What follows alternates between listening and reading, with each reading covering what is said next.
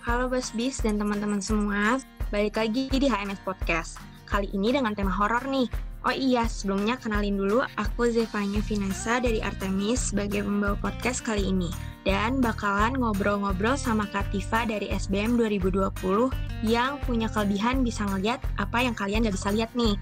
Sebelumnya, aku mau ngasih tahu nih tentang teknik sipil. Teknik sipil tuh jurusan yang paling tua dan udah ada dari tahun 1950 yang berarti gedung sipil tuh bisa dibilang gedung yang paling tua karena dibangun sekitar tahun 1920. Oh iya, gedung sipil tuh ada di sebelah barat gerbang depan. Di depan gedung sipil juga ada lapangan sipil yang terkenal luas loh. Nah, sebelum kita lanjut buat tahu tentang hal-hal horor di daerah gedung sipil, kita mau nanya-nanya nih ke Kativa. Kira-kira bisa ngelihat hal-hal horor itu udah dari lama apa gimana? Oke, Sebelumnya perkenalan dulu ya, halo semuanya, nama aku Tifa, uh, aku dari uh, alumni SBM 2020. Uh, kalau ngejawab pertanyaannya Zeva barusan, uh, kapan pertama uh, aku lihat yang gituan tuh, sebenarnya aku juga nggak tahu pasti uh, sejak kapan. Karena uh, kalau aku uh, dapat dari cerita uh, keluarga aku itu sekitar um, uh, TK, TK tuh berarti sekitar umur lima tahun. Jadi awalnya tuh uh, aku tuh main terus di kamar gitu. Terus keluar kamar tuh ini kata bunda aku ya aku nggak begitu ingat. Terus uh, keluar kamar tuh uh, muka aku penuh sama bedak gitu. Jadi bedak bayi tuh pokoknya uh, berantakan banget kan sampai uh, bunda bunda dan bibi tuh kayak bingung gitu. Dulu namanya ada Biina terus bunda kan jadi langsung manggil uh, Bi Ina tuh e, ini kenapa nggak dijagain? Gitu kan. Terus uh, bilang katanya iya soalnya uh, bilangnya uh, udah ada teman katanya teman main. Terus kayak bunda tuh bingung kan teman main gimana? Orang tetangganya pada sekolah kan udah pada lebih gede katanya bilang gitu. Terus kayak tapi uh, dari tadi uh, ini kok dia main sendirian di kamar ketawa-ketawa katanya udah ada temennya katanya bilang gitu. Akhirnya uh, bunda nyamperin gitu ngeliat ke kamar. Uh, terus di kamar tuh kata bunda uh, jadi kan lantai kamar aku tuh uh, warnanya kayak coklat tua gitu. Terus kata bunda tuh di sana ada dua jejak kaki ada jejak kaki aku sama satu jejak kaki orang dewasa tapi uh, lebih besar daripada Bi Ina dan Bunda. Jadi nggak mungkin mereka berdua. Terus hmm. uh, di, terus Bunda langsung nanya, e, kamu main sama siapa? Katanya. Terus kayak aku bilang sama sama kakak, sama kakak. Kakak siapa? Nggak tahu tadi ada di sini uh, ngajakin main ice skating pakai bedak uh, tapi udah gitu keluar gara-gara bunda panggil dia keluar. Gitu terus dari situ aja akhirnya bunda notice kalau aku selama ini sering main di rumah tuh sendirian bukan ada oh. bukan sama tetangga. Serem juga ya kak. Oh berarti emang emang keturunan gitu ya? Emang keluarga semuanya bisa ngelihat Hmm, enggak, jadi awalnya tuh uh, yang bisa tuh nenek, nenek aku. Hmm. nggak uh, turun ke bunda. Terus kakak aku cuma bisa ngerasain doang. Bunda sama sekali enggak. Bunda nggak peka banget. Oh oke okay, oke. Okay. agak serem ya. Oke okay, kita lanjut nih ya. Nah kan kakak tuh berarti kan bisa juga uh, ngeliat dan ngerasain kan? Mm-hmm. kesannya sensi gitu kan? Nah mm-hmm. selama di ITB tuh kakak sering lewat kawasan sipil gak kalau iya biasanya kapan dan ngapain Oke, jadi uh, jujur aja sipil adalah daerah yang paling aku hindarin lewat untuk jalan. Apalagi kalau udah sore ke malam itu tuh udah skip banget gitu rasanya. Dan karena aku kuliahnya di SBM kan ya jadi langsung lewat uh, gerbang belakang kan. Tapi emang aku tuh uh, kalau dijemput kuliah emang seringnya di uh, gerbang depan. Nah, otomatis itu juga aku langsung lewat uh, jalan tengah dong, langsung jalan A tuh full. Oh. Terus pas uh, beberapa kali emang terpaksa gitu harus ada di sipil kayak pas lagi diklat uh, atau nebeng temen ternyata dia parkir di sipil gitu kan uh, yeah. atau aku harus ngejemput sepupu aku daerah sana gitu kayak pokoknya ada aja gitu momen-momennya mm -hmm. gitu terus kalau kapan itu uh, justru aku ke sananya siang gitu karena uh. takut banget aku tuh takut banget jujur uh, terus kayak apalagi kan di sipil tuh langsung ke Taman Sari kan langsung ke kebun binatang kan jadi kalau udah uh. udah menjelang maghrib tuh udahlah mendingan gak usah ngadi-ngadi ke sana gitu Uh, terus pas bahkan kalau lagi di klat pun pas lagi di klat tuh nah ini syukur banget uh, aku aku harus berterima kasih kalau uh, para pendiklat ada yang dengerin podcast ini aku bersyukur banget karena setiap aku diklat dan mereka tuh udah pada tahu kondisi aku kayak gini jadi pas ada penempatan di sipil tuh aku pasti dipisahin sama mereka kalau diklat malam hmm. jadi aku selalu dipisahin untuk ngehindarin hal-hal yang tidak diinginkan gitu okay. uh, makanya paling hmm. ya gitu tapi kak kan mereka tuh nggak muncul di malam hari doang kan kak. Nah kakak mm -hmm. kan seringnya lewat di sipil mm -hmm. tuh siang kan. Nah kira-kira tuh ada nggak sih mereka berkeliaran gitu siang-siang? Ada, ada banget. Boleh ceritain nggak kira-kira kayak gimana? Tapi tuh emang nggak terlalu di sipilnya. Boleh nggak sih aku ceritain hmm. KMKL? KMKL tuh, oh deket ya? Mm-mm, jadi sebenarnya tuh emang di lapangan sipil kan, tapi kan kalau lebih jelasnya tuh di depan sekrenya KMKL gitu. Uh, siang-siang tuh emang di depan pohon. Jadi di depan KMKL tuh ada pohon besar banget yang di lapangan sipil. Mm -hmm. Di situ tuh di situ tuh ada perempuan yang rambutnya panjang banget sampai rumput-rumput. Jadi dianya tuh duduk uh, di salah satu rantingnya gitu. Uh, terus kayak pas reaksi kakak tuh setelah ngelihat itu kayak gimana sih? Aku pura-pura gak lihat lah soalnya soalnya kalau aku eye contact gitu atau kalau mereka notice aku tuh lihat mereka tuh kayak mereka bakalan usil banget ngegangguin banget oh. parah gitu dan itu tuh bukan cuma dia doang itu kan di sana juga ada noni-noni gitu kan mm -mm. terus ada tentara tentara Belanda juga terus hmm. uh, ada banyak kayak apa makhluk-makhluk gak jelas yang dari kebun binatang tuh kayaknya sih. Soalnya bentukannya oh. aneh banget gitu. Makanya emang kalau siang-siang juga aku ngehindarin. Apalagi oh siang-siang dan hujan juga itu wah chaos. Udah skip aja lewat sana. Oke okay, okay. gitu berarti hal yang sering dilihat di sekitar gedung sipil tuh biasanya kayak noni-noni gitu ya kak kayak mm -hmm. yang dari dari Belanda gitu ya. Oke, okay. terus uh, tapi ini kak kan tadi tuh salah satunya ketemu sama yang di pohon itu kan kak, mm -mm. dan reaksi kakak tuh cuek, uh, kayak berusaha nggak lihat. Iya iya. Nah, apakah sikap itu tuh selalu dipakai kalau misalkan ketemu mereka? Apa misalkan ada reaksi lain gitu? Hmm, ya Se uh, sebagian besar ya, sebagian besar emang harus cuek gitu karena kalau misalnya enggak tuh ya tadi kalau misalnya mereka tahu tuh pasti mereka ganggu banget. Bahkan udah pura-pura nggak tahu juga ada aja yang usil gitu, noel-noel lah gitu, Gangguin, ngajak ya. ngobrol, uh -uh, ngajak ngobrol, ngikutin kayak gitu. Hmm, serem ya kak. Terus lanjut ya pernah nggak sih pas lagi ramean gitu terus tiba-tiba ketemu mereka tapi gak mau bilang ke teman-teman uh, terus terpaksa harus pura-pura gak lihat aja gitu misalkan hmm. lagi lagi barengan terus kayak udah ngeliat dan udah eye contact gitu misalkan sama merekanya terus hmm. ha, uh, perlu bilang gak sih apa kayak berusaha kayak nggak lihat aja lagi mm -mm. Iya, jadi aku tuh pernahnya gini, aku tuh janjian sama kakak sepupu aku. Kakak sepupu aku itu anak telekomunikasi IMT. Hmm terus itu sekiranya di jalan D kan. Terus malam-malam gitu aku tuh gimana pun caranya tuh biar nggak lewat situ gitu ya. Tapi pilihannya tuh eh, nggak uh, ada yang bener gitu jalannya. Kalau misalnya kita lewat daerah uh, mesin keos gitu kan. Kalau hmm. lewat uh, jalan GKU Barat keos iya. gitu. Sipil apalagi kan. Terus kayak uh, iya. tapi karena aku yang butuh dia jadi aku harus ngedatengin dia kan. Uh, terus aku minta temenin sama teman aku. Terus temen aku ini tuh ya emang dia takut juga gitu dia penakut. Terus dia bilang Tiff aku mau nemenin kamu tapi diem diem aja ya jangan jangan diceritain. Sumpah katanya bilang gitu. Terus iya aja udah gitu pergilah aku ke sana. Pas udah ke sana ya aman-aman aja gitu. Tapi pas aman -aman. pulangnya ya, pas balik di chat timnya tuh temen aku pucat banget terus kayak ngeluh terus Tiff panas panas katanya bilang gitu. Mm-mm. Eh, oh ya udah kamu eh, kamu nanti pulang ke kosan jangan lupa eh, Bersih- wudhu bersih. ya sebelum tidur. Oh, iya. Kayak wudhu sebelum tidur terus itu kasur kamu tuh sebelum tidur eh, kibas-kibasin deh tuh tiga kali katanya baca doa.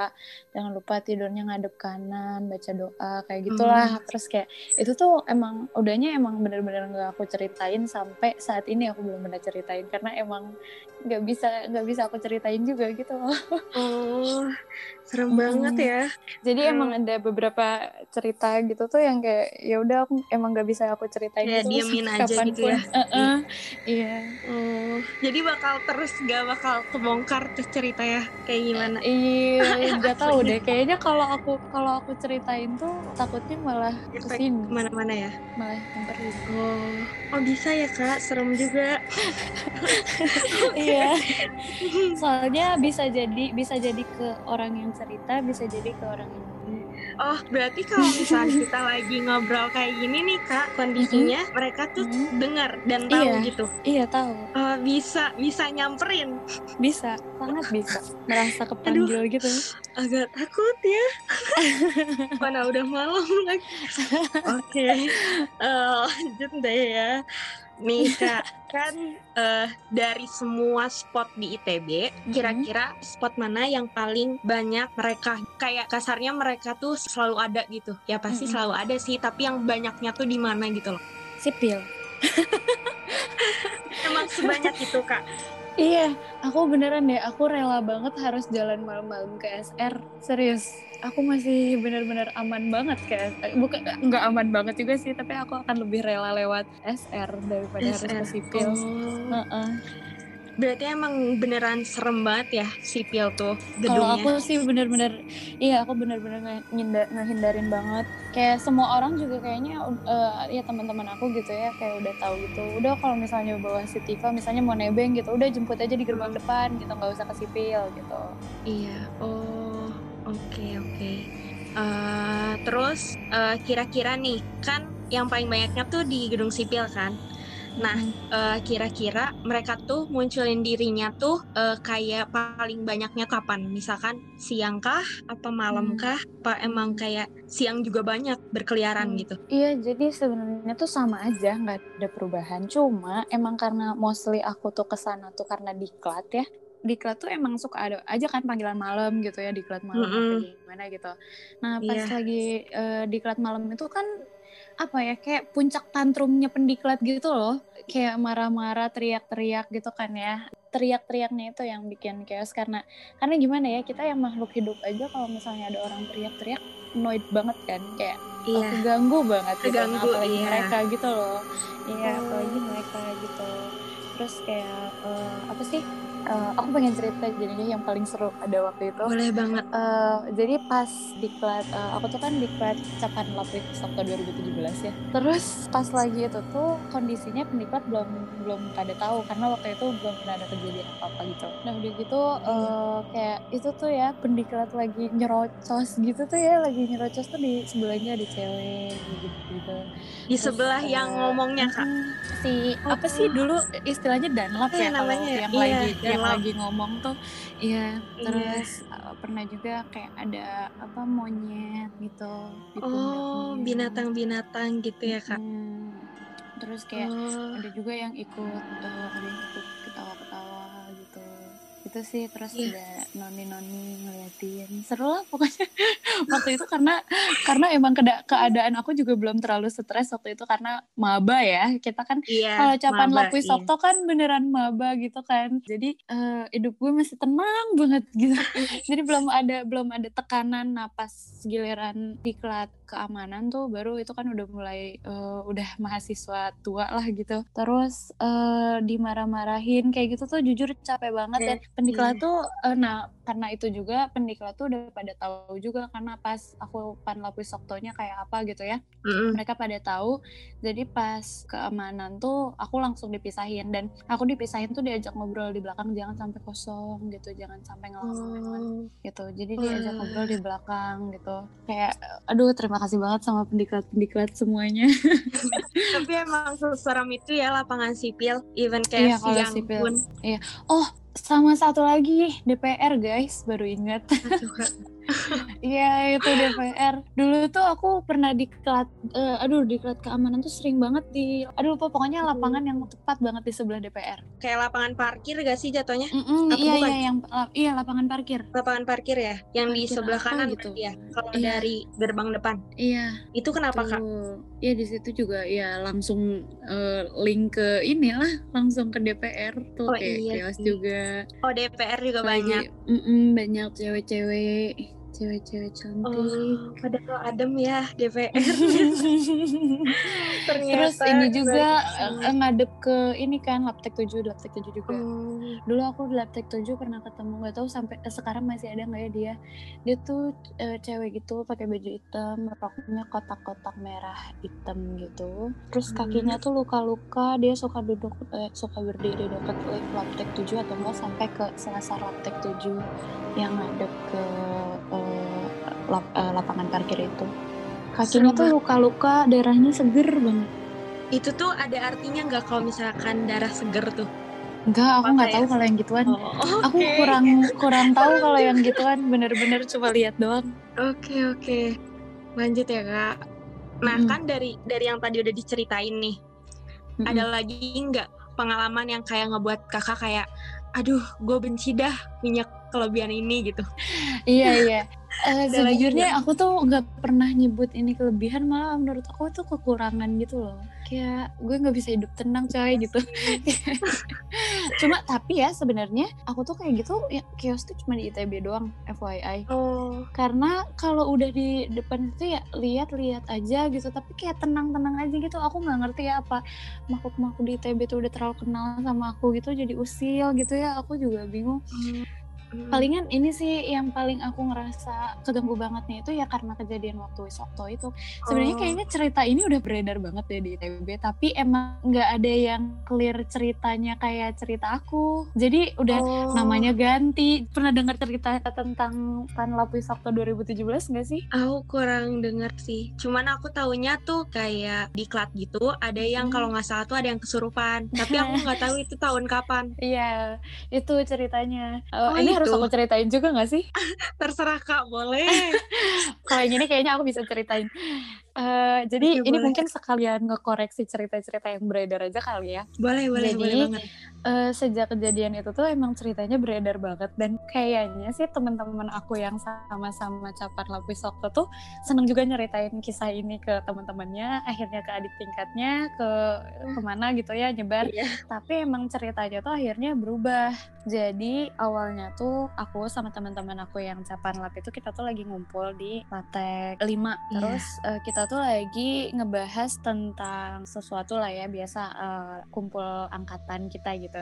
Kelar dari situ tuh kita kayak itu tuh udah malam banget dan jadi kan rumahku tuh sebenarnya di Cimahi tapi aku tuh waktu itu karena sering tinggal sendiri ya udah aku mendingan eh, di asrama ITB aja gitu kan. Dan teman-teman juga banyak yang ke arah asrama aku gitu loh. Jadi aku bisa nebeng kan. Nah waktu itu akhirnya pas mau kita udah bubar tuh baru itu jam 11 malam kita tuh kayak mau pulang tapi kayak aku ngeluh gitu guys lapar pengen makan udah lemes banget. Dan aku tuh tipikal orang yang gampang banget masuk angin kan. Sedangkan kayak kita duduk di selasar laptek eh, Sepi lima ya, tuh yang angin dingin. gitu. Iya. Heeh, anginnya seliweran gitu kan. Terus duduknya di lantainya itu yang batu-batu itu kan dingin juga ya. Terus kayak Iya. pengen makan gitu apa kayak dapmal apa apa gitu. Taunya tuh emang teman-teman usil aja gitu ya yang cowok-cowok ayolah kita olah ruang dulu olah ruang dulu gitu kan. Tapi udah ini makan ya kan kata iya iya ayo kita eh, pengen ke mesin. Terus kayak aku tuh sama sekali nggak tahu gitu bener-bener nggak tahu ada urban legend apa di ITB waktu itu.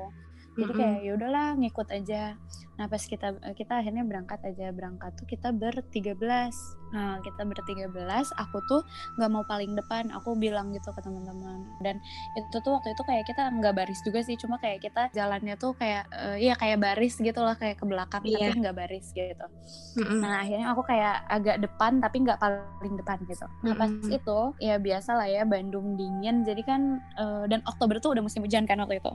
Jadi yeah. berkabut gitu. Nah, kita tuh dari Laptek 5 tuh kan keluar tuh ke jalan jalan yang antara uh, Cetim sama Laptek ya yang antara itu uh, udah gitu ke arah fisika udah gitu. Itu tuh kan berembun banget ya embunnya hmm. parah banget. Terus kayak teman-teman biasalah uh, kayak eh tif tif itu uh, apa tuh? Apa yang di bawah lampu? Katanya bilang gitu. Terus aku bilang pan sih? Nggak ada apa-apa juga gitu kan. Kayak oh my god gue harus tenang gue harus tenang gitu di dalam hati. Kayak uh, yeah. gue harus bisa ngandelin emosi gue gitu kan yeah. udah uh, jalan aja kan kita jalan. Terus kayak aku tuh baru jalan dikit tuh pundak aku tuh udah berat banget rasanya udah berat. Jadi aku ngeluh aduh pegel banget nih pundak aku aku bilang gitu.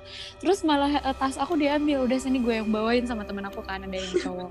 Dikira terus kayak, iya terus kayak oh ya udahlah uh, dia pegangin laptop biarlah terus kayak udah kita jalan lagi pas udah jalan itu kita ke arah mesin uh, tapi kita nggak belok di mesin uh, kita tuh beloknya di yang gang depannya lagi itu loh Iya. Yang munculnya di kolam mesin. Oh iya. Nah, jadi kan itu lewatin taman buat tani tuh. Terus iya. uh, kayak pas di taman buat tani tuh ada temen aku ya anak AE. Uh, dia tuh kan pemberani banget ya. Pokoknya dia laki banget gitu kan iya. terus kayak uh, dia dia nunjuk-nunjuk gitu asal dia tuh usil banget nih orang ya dia bawa center gitu.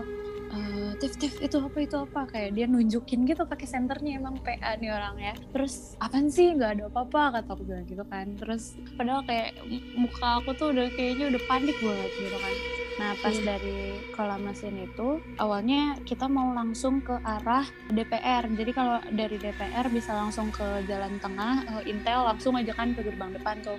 Iya. Yeah. Taunya ini si cowok-cowok ini kayak uh, ke atas dikit, ke atas dikit katanya ke arah uh, eh, FTI. Terus udah jalan uh, ke Laptek 1011 tuh, aku bilang udah ke arah perpus aja. Terus kita lewat gerbang SBM cabutnya dari situ gitu ya. Tapi kayak eh Latif ke sini dulu. Mereka kayak nunjukin gang kecil yang turun tangga ke bawah. Nah itu nanti nyambung lagi ke jalan D. Nah uh, akhirnya ya udah kita ke sana. Terus kayak uh, temen-temen tuh pada uh, nyorot nyorotin center ke bengkelnya itu. Terus oh yaudahlah aku ngikut ngikut lagi. Nah pas udah di jalan D itu uh, si cowok yang bawa center ini tuh yeah. dia tuh iseng nyenter nyenterin tuh sampai ke belakang kontainer-kontainer yang di jalan D itu kan banyak kontainer tuh di depan lab mesin yeah Iya kebayang Nah pas lagi nyenter nyenterin itu, jadi dia tuh nyenter nyenterin. Aku tuh bilang, eh jangan ke sana, jangan ke sana. Aku bilang. Terus ada temen aku yang cewek lain, uh, cewek juga, dia sama uh, ngeliat juga gitu. Terus kayak uh, dia bilang, iya iya jangan ke sana katanya gitu. Terus kayak dia masih nantangin, apaan sih orang nggak ada apa-apa katanya. Ya udah hmm. deh kita udah aja kan, ya udah terserah lo deh kayak kayak uh, kalau misalnya kenapa-napa tanggung jawab pokoknya. Terus kayak iya iya uh, karena dia berani ya udah. Nah udah gitu ada temen aku dia anak SAPPK dia tuh uh, bilang ngelutuk gini, eh guys lo pada tahu gak sih uh, di sini ini lab mesin pernah ada cerita kan gitu cerita apa terus kayak ah oh, aku udah deg banget kan di situ eh taunya emang si Onyon ini dia cerita di tempat itu. Iya dulu tuh di lab mesin uh, itu kan ada ceritanya yang sampai masuk film Eleven itu. Ada ada orang yang uh, kejepit di pintu lab mesin itu yang sampai kepalanya putus dari badannya. Dia tuh cerita ceritanya di tempatnya gitu loh kayak wah gila banget loh berani banget nyawa lo ada sembilan kali ya. Terus kayak aku dia mencekannya terus uh, aku jalan cepet supaya pengen balik gitu ke arah sipil nggak apa-apa dia asal rame-rame. Taunya memang mereka pengen belok lagi ke kolam mesin. Nah ya udah pas di kolam mesin itu tuh pada berhenti di depan kolam mesinnya banget untuk lihat kucing. Jadi di sana tuh ada kucing tiga tiga ekor.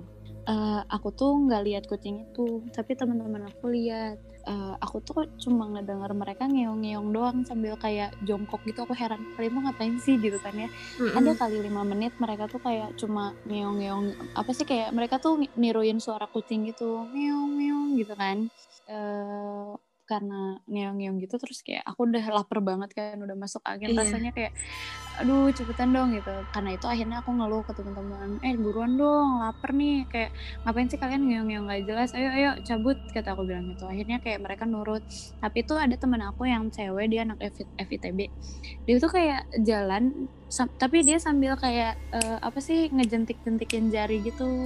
Oh. miau miau gitu sambil gitu. Pokoknya dia ngikutin suara kucing mulu lah. Terus kayak yeah ini orang ngapain sih? Di dalam hati kayak annoying banget. Maksudnya kita udah jalan udah jalan jauh gitu menuju DPR kita kayak udah dapet DPR nah pas udah di DPR nih si temen cowok yang anak SKPPK lagi tuh dia cerita lagi kayak eh kalian tahu nggak ini di DPR nih ada ibu-ibu gendong anak kecil di pohon katanya bilang gitu kan. Terus kayak aku langsung bilang kata siapa ibu-ibu? Orang nenek-nenek. Aku bilang gitu aja kan karena kesel banget udah kayak ya udahlah kagok gitu. Iya. Terus kayak ih so tau lo tis katanya digituin kan. Ya udahlah terserah. Ya udah biar cepet kelar gitu kan. Jalan lagi kita. Nah pas jalan uh, ada kantin Bangkok tuh uh, yeah. nah kita tuh ke arah gerbang ke arah SR jadi turun kan uh, jalannya.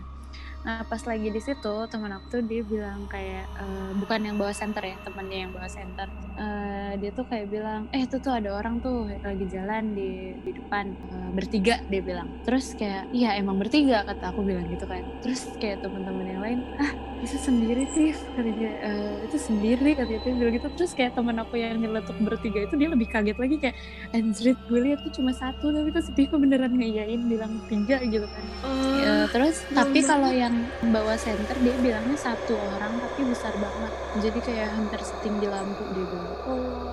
Pas udah gitu dari sana ke bawah kan itu eh, ada pertigaan lagi tuh. Nah dari pertigaan itu kita ke kiri kan ke arah SR nah pas lagi ke arah SR itu uh, senternya si cowok yang anak FTMD itu diambil sama teman aku yang uh, anak SAP, SAPPK yang dia cerita-cerita mm -hmm. ngeyel itu uh, terus kayak dia mainin senternya ke bawah kaki gitu.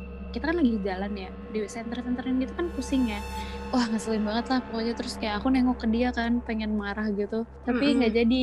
Pas aku jalan lagi dia masih nyenter nyenterin gitu kan. Terus kayak yaudah akhirnya aku nengok lagi karena beneran pengen uh, ngingetin gitu supaya jangan mainin center tahunya pas aku lagi nengok dia ngarahin senternya ke mata aku gitu. Terus kayak udah deh aku cuma ingetnya sampai situ. Terus uh, akhirnya besoknya bangun-bangun kayak udah aja sholat subuh. Dan waktu itu tuh aku inget banget kejadiannya 10 Oktober. Dan aku tuh kayak bangun tidur tuh nggak terlalu inget kemarin ngapain gitu loh. Kayak yang aku inget aku cuma kelaparan doang dan diajak olah ruang gitu sama teman-teman.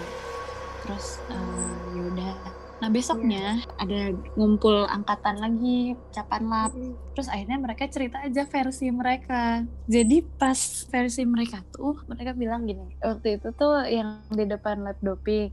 Jadi pas di lab doping tuh marah katanya gara-gara center aku ya. Terus oh, yes. Iya. uh, setelah aku marah tuh aku jalan jalan duluan ke arah SR. Nah pas di SR itu lima orang cabut duluan karena parkir di SR jadi sekalian dan itu udah malam banget Terus yang lainnya kayak mereka lagi pada ngintipin pintu yang di SR itu kan ada pintu yang diapit sama dua pilar gitu loh. Terus katanya pas mereka lagi lihat-lihat itu tuh tiba-tiba ada dua motor dari arah dalam ITB mau keluar, dua motor dan ngebut itu tuh lewat dalam kondisi aku tuh lagi ada di tengah jalan lagi jongkok diem. Terus kayak eh, pas motor itu mau ngedeket kan temen-temen langsung heboh kan tif tif tif tif, gitu. Pas udah motornya lewat ternyata aku nggak apa-apa terus langsung mereka uh, angkat aku biar berdiri kan terus jalan aja nah pas jalan mau ke arah gerbang itu udah lurus nih udah di depan lapangan SR Mm-mm. Aku tuh jalan di depan mereka. Awalnya kan aku selalu pengen di tengah gitu, enggak enggak mau paling depan lah. Mm-hmm. aku tiba-tiba nyus uh, paling depan banget. Terus kayak mereka pada manggilin kan, Tif. Terus kayak aku nggak nyaut, Tifa, Tifa gitu. Nggak nyaut lagi. Terus sekalinya aku nggak dipanggil, aku tiba-tiba nengok sambil senyum-senyum gitu. Terus, uh, Tifa, kenapa lo? Katanya bilang gitu. Terus kayak aku cuma ketawa doang.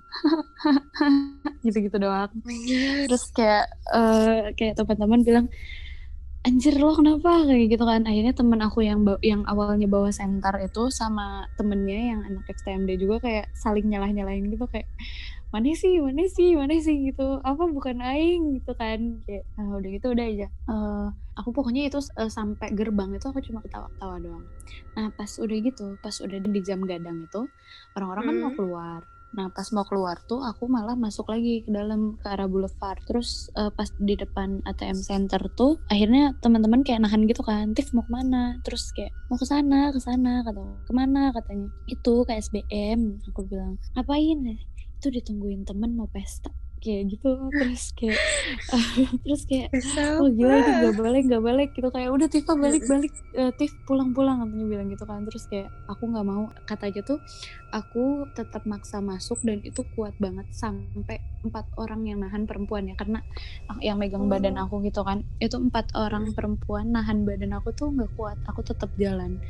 Sampai akhirnya si cowok yang eh aku lupa aku nggak inget siapa yang akhirnya megang pundak aku buat balik arah gitu ke arah jam gadang sambil teriak kayak panggil aja satpam panggil satpam gitu kan hmm. terus pas satpamnya datang uh, baru aku katanya mau diajak keluar gerbang nah pas keluar gerbang itu teman-teman lagi diskusi itu tiba-tiba kayak ada bapak-bapak nyamperin kita katanya terus kayak uh, eh uh, ada ibu-ibu nyamperin nyamperin gitu kayak manggil-manggil Dinda, Dinda katanya bilang gitu. Terus uh, aku teriak duluan kayak Umi, Umi, Umi gitu kan. Terus kayak uh, eh uh, Din katanya lagi apa? Uh, terus kayak aku cuma senyum-senyum doang ketawa-ketawa gitu. Akhirnya teman-teman aku yang ngejelasin. Terus akhirnya pas udah dijelasin tante aku bilang ya udah pulang sama tante aja bilang gitu. Oh iya itu ternyata ibu-ibunya tante aku. Terus kayak ayo pulang sama tante aja naik motor. Terus kayak makasih ya ke teman-teman aku bilang gitu kan. Uh, udah aja. Nah uh, pas itu akhirnya baru aja datang bapak-bapak kan teh. Uh, dindanya mana? Katanya bilang gitu. Uh, itu tadi udah berangkat sama tantenya. Terus kayak ah beneran sama tantenya? katanya. Iya udah sama tantenya bilang gitu. Oh ya udah uh, ke mana? katanya ke asrama. Oh bener ya katanya. Iya bener katanya. Udah aja Nah, uh, pas itu itu temen aku ceritanya udah sampai situ doang kan. Terus aku langsung nanya lagi ke teman-teman aku, kalian yakin itu tante sama om aku? Aku bilang, yakin Tiff karena uh, kamu pertama pas pertama keluar gerbang tuh kamu manggil-manggil abi-abi gitu. Terus baru datang tante kamu yang kamu panggil Umi juga bilang gitu. Terus kayak masa sih aku bilang kan uh, aku kan tinggal di asrama kenapa ada mereka di ITB aku bilang malam-malam yeah. lagi itu jam jam setengah satu kan atau enggak Tiff uh, udah kamu telepon aja tante kamu make sure katanya bilang gitu kan. Terus ya udah aku telepon. Pas ditelepon terus bilangnya enggak tante aku lagi sakit. Terus kayak uh, tapi Siapa benar yang bawa? Nggak tahu sampai sekarang aku nggak tahu. Banget. Gitu terus jadi kayak om aku tuh waktu itu uh, nanya ke teman-teman aku pergi sama siapa tuh dia tuh make sure karena nggak ada tante aku gitu loh dia tuh kayak mm -hmm. yakin liatnya sama tante aku terus kayak iya katanya bilang gitu. Padahal enggak. Dia tuh terus kayak om aku langsung ke asrama nanya ke satpam gitu lihat anak perempuan enggak? Uh, baru masuk asrama. Terus katanya bilang enggak juga. Terus kayak ya udah nggak tahu. Jadi sampai gitu. sekarang belum jelas karena kakaknya juga nggak nggak sadar gak saat itu? Iya. Oh oke oke. kan kita udah nih cerita cerita Nah, menurut kakak nih, ada pesan nggak buat orang-orang biasa nih ya, mahasiswa kampus, kalau misalnya merasakan pengalaman-pengalaman aneh itu harus gimana? Atau gak kayak apa yang harus mereka lakuin gitu pas hmm. ngerasain hal-hal aneh? Kalau aku uh, sebenarnya udah diemin aja lah ya yang kayak gitu orang kita hidup emang berdampingan kan ya sama Berat, yeah. sama jin gitu ya emang kita nggak bisa yeah nggak bisa gimana gimana sebenarnya. Iya. iya sebenarnya aku pengen bilang banget jangan percaya sama yang kayak gituan. Karena mereka tuh sebenarnya jin. Jin itu kan usil banget dan jin itu emang bisa bisa berubah bentuk ke apa pun mm -hmm. gitu loh. Jadi yeah. jangan bilang itu tuh ghost karena itu tuh nggak ada. Itu tuh jin doang yang dia ngebentuk gitu. Karena si jin ini kan dia bisa menyerupai apa pun dan dia tuh bisa mengarang cerita seolah-olah emang mereka tuh yang uh, ngalamin itu dan bikin yeah. manusia tuh simpati gitu loh dan, dan itu tuh yeah. halu aja gitu loh jadi mendingan diemin, diemin aja. aja dan kalau misalnya emang ngerasain kayak gitu kalau aku ya ke teman-teman dekat mm -hmm. aku aku tuh selalu bilang kalian kalau misalnya abis pergi dari mana gitu terus apa sih ngerasa gak nyaman pokoknya iya, iya sebenarnya kalau misalnya nggak pergi ke tempat kayak gitu pun dia membiasakan gitu. Kalau sebelum tidur tuh ambil air wudhu gitu bersih bersih terus kayak uh, kasur tuh dikibasin tiga kali sebelum mau tidur gitu kan. Kasur kosong ya selama kita tinggalin oh. itu itu tuh kadang-kadang suka ada yang nempatin gitu. Oh, uh, aku baru tahu jadi, dong kak harus kayak gitu. Jadi kayak iya jadi kayak apa sih sapu-sapu aja pakai sapu lidi atau pakai kain kayak iya. tepuk-tepuk gitu. Terus kayak enggaknya pergi gitu ya kak? Mm -mm Hmm, terus kayak uh, apa tidurnya ngadep kanan aku bilang jangan lupa baca doa hmm. kayak gitu-gitu ke teman ke teman-teman dekat aku. Okay. Semoga bisa gitu dilakuin untuk orang-orang yang mengalaminya ya. Hmm. Jadi pengen nitip salam sama teman-teman sipil. Sama siapa ya? Medi, Bayan, Alvin, Martin, Ateng. Oh iya, Ateng tuh kan usil banget ya nih orang. Iya, usil banget parah. Terus kayak uh, dia pernah nanya-nanya gitu tapi aku tuh lagi lagi mau diantar pulang aku tuh pengen nebeng pulang sama Martin kalau nggak salah. Terus pas lagi nungguin Martin itu aku duduk di bangku-bangku depan sipil kan. Terus Ateng nanya Tif ada yang ngikutin gue nggak? Katanya bilang gitu terus wah kayaknya orang belak-belakan amat kayak bilang gitu. Terus abis Ateng ngomong gitu kan langsung chaos ya. Terus langsung aku langsung nangis literally nangis di di depan sipil itu. Karena yang Ateng tanyain itu langsung pada nyamperin gitu kan. Terus Atengnya langsung bingung gitu. Tip-tip gue nangis lo nangis gitu bilang. Terus kayak temen-temennya keluar langsung ngapain anak orang kocak banget. Terus baru aku ceritainnya tuh pas ketemu Ateng lagi kalau nggak salah itu. Kayaknya kayak oh gitu ya. Terus kayak ya udah. Lol. Emang okay, uh, eh, ini berat banget ya bahasan sekarang. Sekaligus tadi itu jadi bahan terakhir bahasan terakhir dari obrolan kita kali ini nih. Mm-hmm. Makasih banget buat Kak Tifa udah nyempetin waktunya buat ngobrol-ngobrol di kehektikan perkuliahan ini. Yeah, Semoga sama-sama. kita bisa ketemu di lain kesempatan. Jangan lupa Boleh. di rumah yeah. aja dan jaga kesehatan. Iya. Yeah. Oke. Okay. Sama-sama.